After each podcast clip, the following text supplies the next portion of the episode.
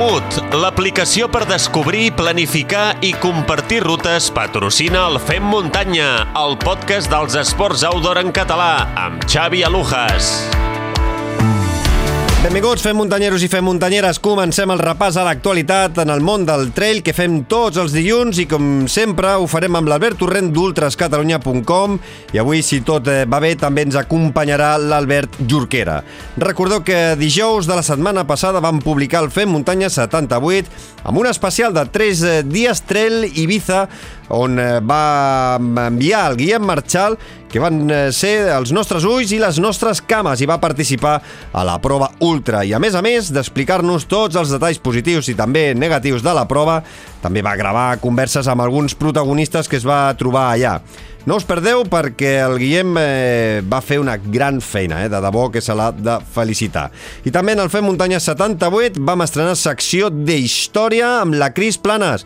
I en aquesta primera classe de història ens eh, va presentar la cursa infantil més antiga d'Europa, com és el descens infantil de la Molina, que celebra cada any l'1 de gener a les 12 del migdia. La setmana passada també es va publicar el tercer capítol de Quilòmetre Vertical, on el tema principal eren les proves per etapes amb protagonistes com en Blaqui Morales eh, i la Josina Gavarró i també el director de la Everest Trail Race, en Jordi Abad.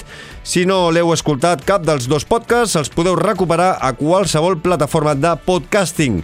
I ja ho sabeu que també que Flying Burrito s'ha sumat a la família del Fem Muntanya i si voleu regalar-vos o voleu regalar una camisa tècnica o voleu fer un bon regal a un bon amic, a un bon familiar, podeu entrar a la web que teniu a les notes del capítol i amb el codi FEMMUNTANYA10 tindreu un 10% de descompte i a nosaltres ens ajudareu amb una petita comissió per cada camisa que compreu. Al·lucinareu amb la comoditat i elegància amb la que entrenareu i competireu. I l'altra manera de col·laborar amb el podcast, ja ho sabeu, és a través del mecenatge, és a dir, us podeu fer fent muntanyeros i fent muntanyeres premium per només un euro amb 99 cèntims al mes a través de l'enllaç que també us deixo a les notes del capítol. Gràcies al vostre mecenatge ens ajudeu a tirar endavant cada setmana aquest projecte.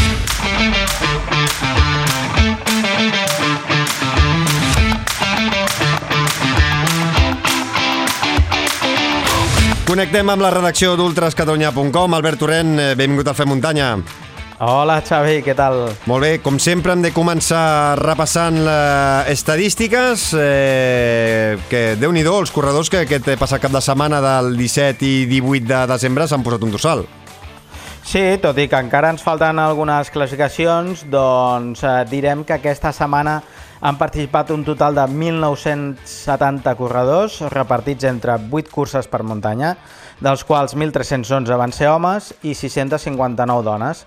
I la prova més participació doncs, eh, va ser la cursa de Nadal de Sant Sadurní de Noia, amb 617 corredors. Doncs, eh, si et sembla, Albert, comencem parlant per la cursa d'anal de Sant Sadurní de Noia. Com, teni... com, van, com han quedat els podis? Sí, doncs va haver-hi dues disciplines, una, una distància de 10 quilòmetres i una altra de 5. I a la distància de 10 quilòmetres, doncs, Ignacio Goñi i Iciar Lucena se'n van emportar el triomf, mentre que la cursa més curta, doncs, els triomfs van ser per Ivan Pérez i Naya Carretero. També aquest passat cap de setmana vols destacar els resultats de la Trail La Vall a Baicaire d'Empordà. Doncs a la marató, la primera edició d'aquesta marató de Trail La Vall, doncs va tenir doncs, eh, com a campions en Francesc Martín i en Joan Aiguasanosa, que van arribar plegats, i en categoria femenina la victòria va ser per Cheina Treto.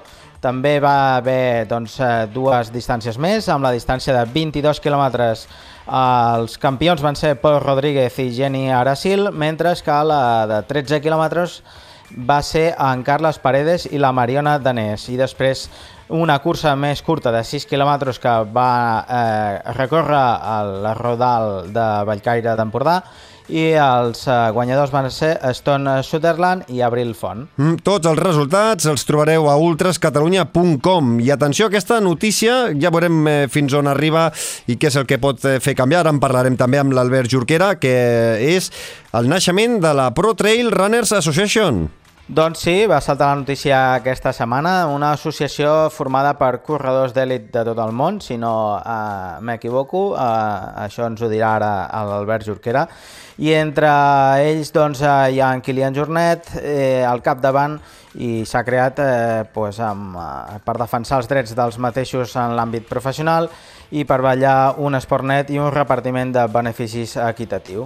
Una de les primeres persones eh, que va treure doncs, la notícia a Runèdia va ser l'Albert Jorquera, periodista especialitzat en trail.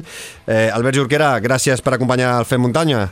Hola, què tal? Escolta, Albert, eh, vam, ens vam meter a través de l'article que vas publicar a Runèdia i dic, escolta, doncs eh, truquem-lo perquè bueno, sempre sorgeixen dubtes eh, i més eh, quan ja l'any passat vam parlar amb el Kilian que s'estava treballant eh, amb aquesta associació, que costava, que costava, i per fi ha vist la llum de cara al 2023.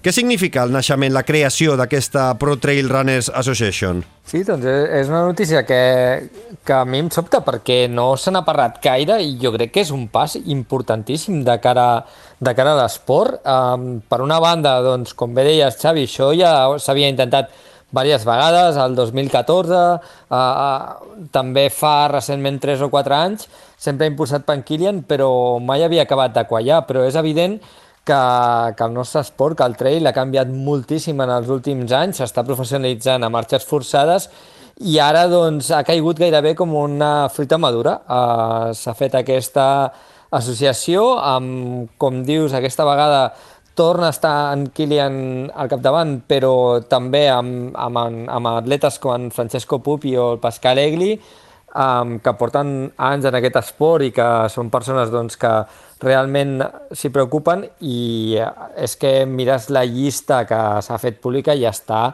pràcticament tothom, des de Jim Wasley a, a François Daen, a Courtney Water, així que realment és la, uh, jo crec que és l'associació definitiva de corredors de trail de, que marcarà bastant el futur d'aquest esport. De moment, eh, no? hi ha 120 eh, esportistes actius, eh, com dius, representen a 35 països, eh, eh, i a casa nostra doncs, tenim el Pau Capell, la Sara Alonso, Jan Margarit, l'Aritz Egea, el Manu Merillas, Pablo Villa, Núria Gil, Oiana Cortázar, Sheila Avilés, entre d'altres. Eh? Déu-n'hi-do la quantitat de grans eh, corredors i corredores que hi formen part.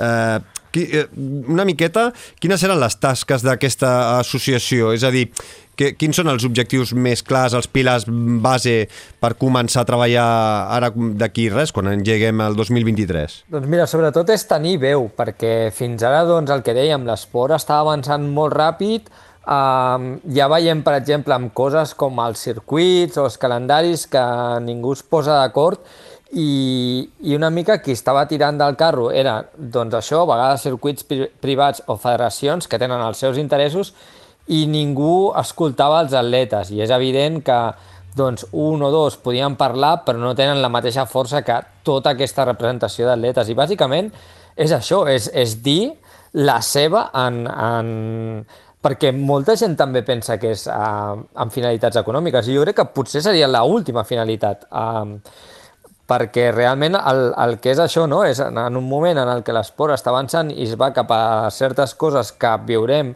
i que potser no ens agraden, doncs que realment els atletes i gent que per sort es preocupen per aquest esport doncs puguin dir la seva. No? És, és tan senzill com, per exemple, ho hem vist ara fa poc en el Mundial de Futbol, que, que s'ha celebrat a Qatar, tothom posa el crit al cel, però si tots els futbolistes unànimament s'haguessin plantat, doncs no s'hagués donat.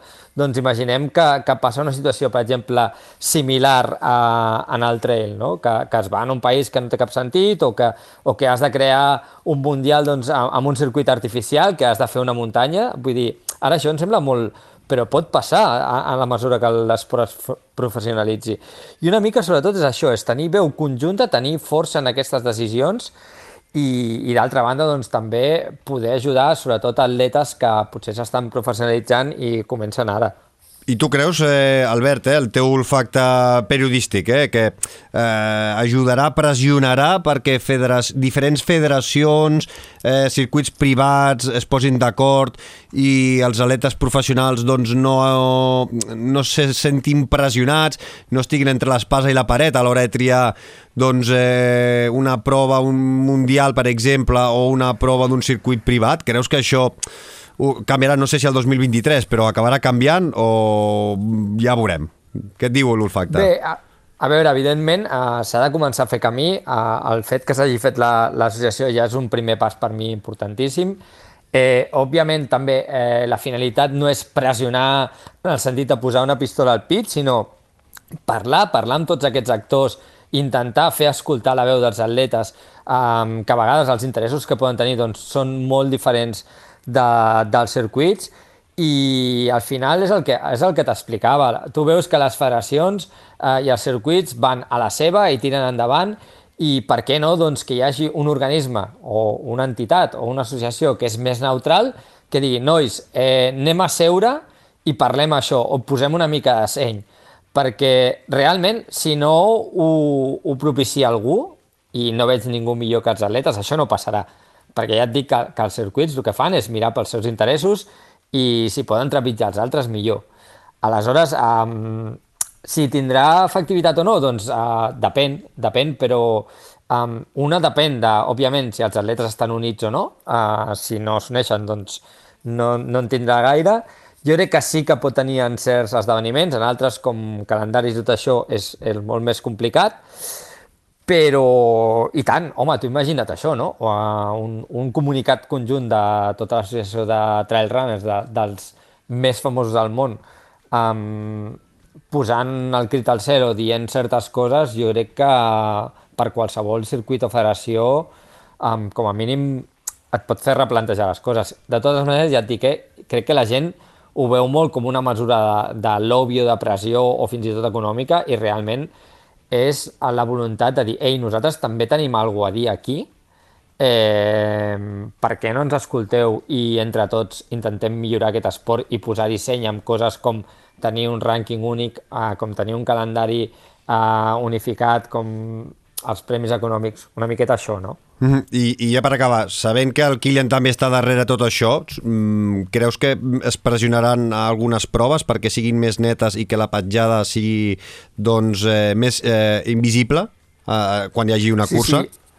Totalment, eh? és que els temes que els altres temes fonamentals d'aquesta associació, doncs, són, òbviament, són temes com el dopatge, són temes com, uh, òbviament, la, la petjada climàtica, i el que et deia, no és, no és pressionar en el plan de posar una pistola al pit, sinó dir, ei, doncs, anem a fer això, no? O, o no acceptar, no sé, a lo millor patrocinadors que siguin eh, companyies contaminants o coses d'aquestes, no? Al final, òbviament, òbviament, al final, um, això comentava curiosament, fa unes, unes setmanes en una conversa amb el Francesco Pupi, hi ha uns valors, i ho vaig treure també a les xarxes, i va haver molta merder, però és veritat, hi ha uns valors al trail que hi són ara i que encara estem a temps de defensar. Uh, el que passa és que quan hi han diners, i ho hem vist amb el futbol i altres esports, o gent al capdavant de federacions, jo crec que ara encara al, de, al capdavant de federacions hi ha gent que s'estima aquest esport, però quan hi comença a haver molts diners i molts interessos, entra gent que no té res a veure amb l'esport o que té poc a veure amb l'esport i que l'únic que mira és els diners. Aleshores, crec que encara estem a temps de defensar aquest esport i crec que aquí millor, no?, en certs aspectes, um, que els atletes, no? I potser davant de coses uh, que puguin estar motivades per un tema econòmic, dir, ei, no, això no, encara que, encara que potser l'esport no... Jo, per exemple, un altre exemple, retransmissions doncs, que s'hagin de fer amb helicòpter. Doncs potser no és el preu que hem de pagar no? per tenir retransmissions. Sí, sí que està molt bé perquè les professionalitzi, sí, però hem de fer servir un helicòpter o posar motos, per dir-te alguna a la, a la muntanya, oi que no? Doncs um, crec que hi ha tots aquests valors i, i punts fonamentals que s'han de defensar i crec que jo crec que tindrà un paper important. Mm -hmm. L'Albert Torrent em sembla que té alguna pregunta. Hola, Albert. No, res, uh, el primer que volia preguntar és uh, per, perquè això no és d'ara, o sigui, ja és una cosa que s'ha anat treballant en els últims anys i m'agradaria saber, eh, eh, sé que, que va haver una intentona que va ser un fracàs i per què ara? Per què ara s'han donat les circumstàncies per fer-ho? Sí, de fet, crec que n'hi ha hagut dues claríssimes d'intents, i, i jo crec que ara és pel que et deia, perquè crec que és, és una necessitat... A veure, jo crec que és, és quelcom que havia arribat tard o d'hora, eh? Um, està claríssim. Mm. Perquè, I jo crec que ara eh, és evident, jo he fet alguns articles sobre això, que l'esport està canviant moltíssim en molts aspectes, en, sí. en les retransmissions esportives, mm -hmm. en els diners que, que està entrant, en els esportistes i els contractes que s'estan firmant. Per això hi ha certs canvis d'equip. I en el moment que entra tot això i que entren els diners, doncs entren coses o hi ha gent que creu que han d'entrar coses com el dopatge, han d'entrar gent doncs, que potser, ja et dic, el que mira no és per l'esport, sinó que el que mira és pels diners que es puguin dur ell o el circuit que representa o la federació que representa, i crec que, doncs, que era una necessitat, i de fet, d'aquí aquesta unanimitat. A mi el que em sorprèn que realment no fa tant de temps que s'està treballant aquesta associació i que ja hi hagi tota la gent que hi ha, perquè no ho hem comentat, però aquí s'ha convidat als top 30 dels diferents rànquings i a qualsevol atleta que tingui un contracte professional, és a dir, que rebi diners a canvi de la seva feina. No? Això pot ser contractes molt grans, però també pot ser contractes de 5.000 o 10.000 euros, que això molts atletes avui en dia ja ho tenen. I que, que aquesta llista inicial Um, S'ha llançat amb aquest grup, però s'anirà ampliant, perquè tothom que es vulgui, que es vulgui afegir s'hi podrà afegir, i, i jo crec que molts atletes voldran tenir veu en això. No? Uh, que quedi clar també que és una associació de trail runners professional, és a dir, per això hi ha aquestes limitacions, perquè la ITRA, no ho oblidem, és l'associació de trail runners, diguéssim, de tot el món i, i amateurs, però aquí el que es vol defensar una mica més són els, els drets i les inquietuds dels esportistes professionals. Aleshores, jo crec, Albert, que resumint la, la, la contesta a la teva pregunta és això, que uh -huh. l'esport està canviant moltíssim, jo, molt acceleradament, després de la pandèmia i amb el tema de l'entrada a la televisió, jo crec que canviarà encara més ràpid en els propers anys i, òbviament, els atletes eh, no es volen quedar enrere en, en, en la construcció d'aquest esport i necessiten, jo crec que aquest esport necessita, sobretot si hi ha gent al capdavant com el Pascal, com el Francesco, com el Kilian, que realment s'estimen aquest esport, necessiten que, el, que els esportistes diguin la seva. Mm -hmm. Jo crec que és una gran notícia i veurem I alguns canvis en els eh, propers 2023, ja de cara també al 2024 s'hi treballarà de, de valent. Escolta, Albert, eh, Jurquera, no marxis perquè l'Albert eh, ens volia comentar que ha sortit eh, el calendari de cara al 2023 de les Golden Trail World Series. Sí, acaba de sortir del forn uh, aquestes Golden Trail World Series que, que bueno, eh, vindrà marcada per una lleugera modificació en el seu format, si bé es mantindran les proves puntuables, que seguiran 106, 4 a Europa i 2 als Estats Units, es modificarà la puntuació i traslladarà la icònica gran final ja consolidada al calendari al nord d'Itàlia i hi haurà una gran dotació econòmica de 300.000 euros eh, pels, pels millors d'aquestes Golden Trail. Jurquera, tu que segueixes sempre les Golden, eh, que has estat també a la final aquest any 2022, eh, que coneixes de primera mà, eh, com, com les veus? Veus molts canvis respecte a aquest any 2022 i què et sembla sobretot la, la final al nord d'Itàlia? Sí, primer de dir que molt bé l'Albert eh, Torrent, que s'ha avançat que demà es presenta oficialment al circuit i l'Albert sempre ten... Sempre, uh, sempre està ben informat. Albert, i fem muntanya Gràcies. també, eh? molt bé, això és primícia pels oients. Eh, I com molt bé explicar l'Albert, eh, bé, al final és una barreja entre les quatre proves icòniques que de cada any, diguéssim, que és Cegama, Montblanc, Marathon, eh, Zierzinal i Pikes Peak, eh, torna Dolomites, que ja havia estat, uh, una altra prova molt icònica a Itàlia, que a més enguany celebra el 25 aniversari, i la nova, uh, intentant això de fer dues setmanes seguides als Estats Units, doncs és la Mammoth 26, que serà després de Pikes Peak. Uh, lo de la final no és que sigui sorpresa, eh? perquè ja es va dir que un any es farà el format aquest per etapes, que s'ha fet enguany, i un altre any es farà el format uh, de final única, Si bé, si bé uh, hi ha una mica així aquest any han fet un híbrid, perquè um, a mi sí que em sorprèn el lloc, que és el Golfo de la Isola, a la Ligúria, que està entre, no sé si us situeu, però està entre Nissa i, i Gènova, mm -hmm. diguéssim, uh -huh. a la part de dalt de la, de la bota, que és aquest golf uh, que hi ha... És una zona de, de costa amb, amb una mica de penya-segats. La cursa té 24 quilòmetres i 1.200. No és un lloc gens de trail running ni, ni conegut, però suposo que, que és una aposta turística per donar a conèixer la zona i el que sí que us puc explicar és que hi haurà un pròleg masculí i un pròleg femení dijous i divendres i dissabte hi haurà la cursa femenina i diumenge la cursa masculina. Mm -hmm. Doncs eh, veurem cap on va doncs, les classificacions, a veure com, com funciona aquest format de, de pròleg i, i de cursa, eh, que també a la web de les Golden es, ja es veu que hi haurà també, que separen eh, en aquest cas les curses masculines i femenines perquè cadascú tingui la seva importància també mm, prou encertat de que la, a les retransmissions no? que puguem gaudir de, tant dels homes com de la mateixa importància les, les dones Eh, Albert Jorquera, no t'emprenyem més. Eh, moltes gràcies per col·laborar i participar eh, en aquesta edició d'actualitat del Fem Muntanya. Cuida't una abraçada i, sobretot, bones festes. Un plaer, bones festes als dos i porteu-vos bé, eh? Bueno, ja ho intentarem, això ho intentem. Sí. A, a córrer molt, Albert, cuida't. Igualment. Adéu-siau. Eh, eh, Albert Torrent, em quedo amb tu perquè parlant de circuits, el circuit Camp de Tarragona que ha publicat el seu calendari també pel proper 2023.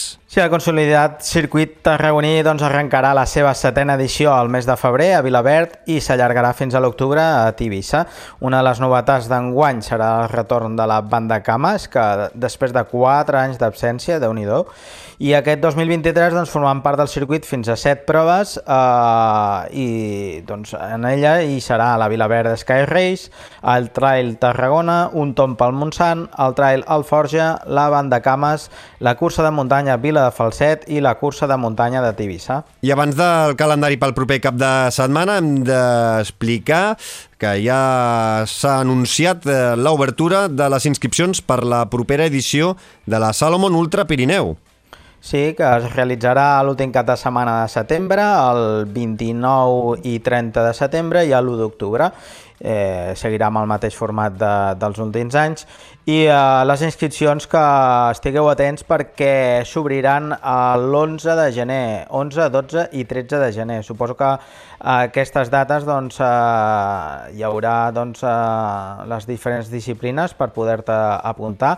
L'11 de, de gener a la de 100 quilòmetres, el dia 12 la de 42 i el 13 de gener doncs, eh, podreu apuntar-vos a la de 21K i el quilòmetre vertical. I acabem, com sempre, Albert, eh, repassant calendari i pel proper cap de setmana llarg, 24, 25 i 26 de desembre, eh, que en tenim unes quantes curses. Sí, uh, mira, per aquest proper cap de setmana, que serà, doncs, ja estem al Nadal, el 24, 25 i 26, a Espluga de Francolí, a la Conca Barberà, la cursa de la Llufa, a Riu de Canyes, al Baix Camp, la cursa del Gall, a Matapera, al Vallès Occidental, la 39a pujada a la Mola per Nadal, a Sant Pere Torelló, a Osona, la cursa de Nadal a Bellmunt, a Sabadell, Vallès Occidental, la cursa rodant pel riu Ripoll, a Ullastrell, al Vallès Occidental, la cursa del Bolet, a Viladellobs, a Olèrdola, al Penedès, la Sant Silvestre del Penedès i a Folgueroles, a Osona, la Folguerolenca. Però també direm doncs que el proper cap de setmana, 31 de desembre, doncs, eh, per l'últim dia de l'any, doncs en tindrem tres més, com és la Sant Silvestre de Vinyó, al Bages, al Marquet de la Roca, al Vallès Oriental, la Sant Silvestre Llorençana i a Artesa de Segre, la Noguera, la Trail Sant Silvestre. Doncs, eh, Albert eh, Torrent, com sempre, un plaer eh, haver compartit aquests minuts. Eh, espero que passis eh, un bon Nadal, un bon Sant Esteve, a córrer, a cremar torrons. I tant. I la setmana vinent ens eh, tornem a escoltar i, si tot va bé, podem començar a repassar calendaris per la primera meitat del 2023. Què et sembla? I tant, en podem fer, sí, sí. sí? Doncs vinga, Albert, cuida't, eh, bones festes, una abraçada forta.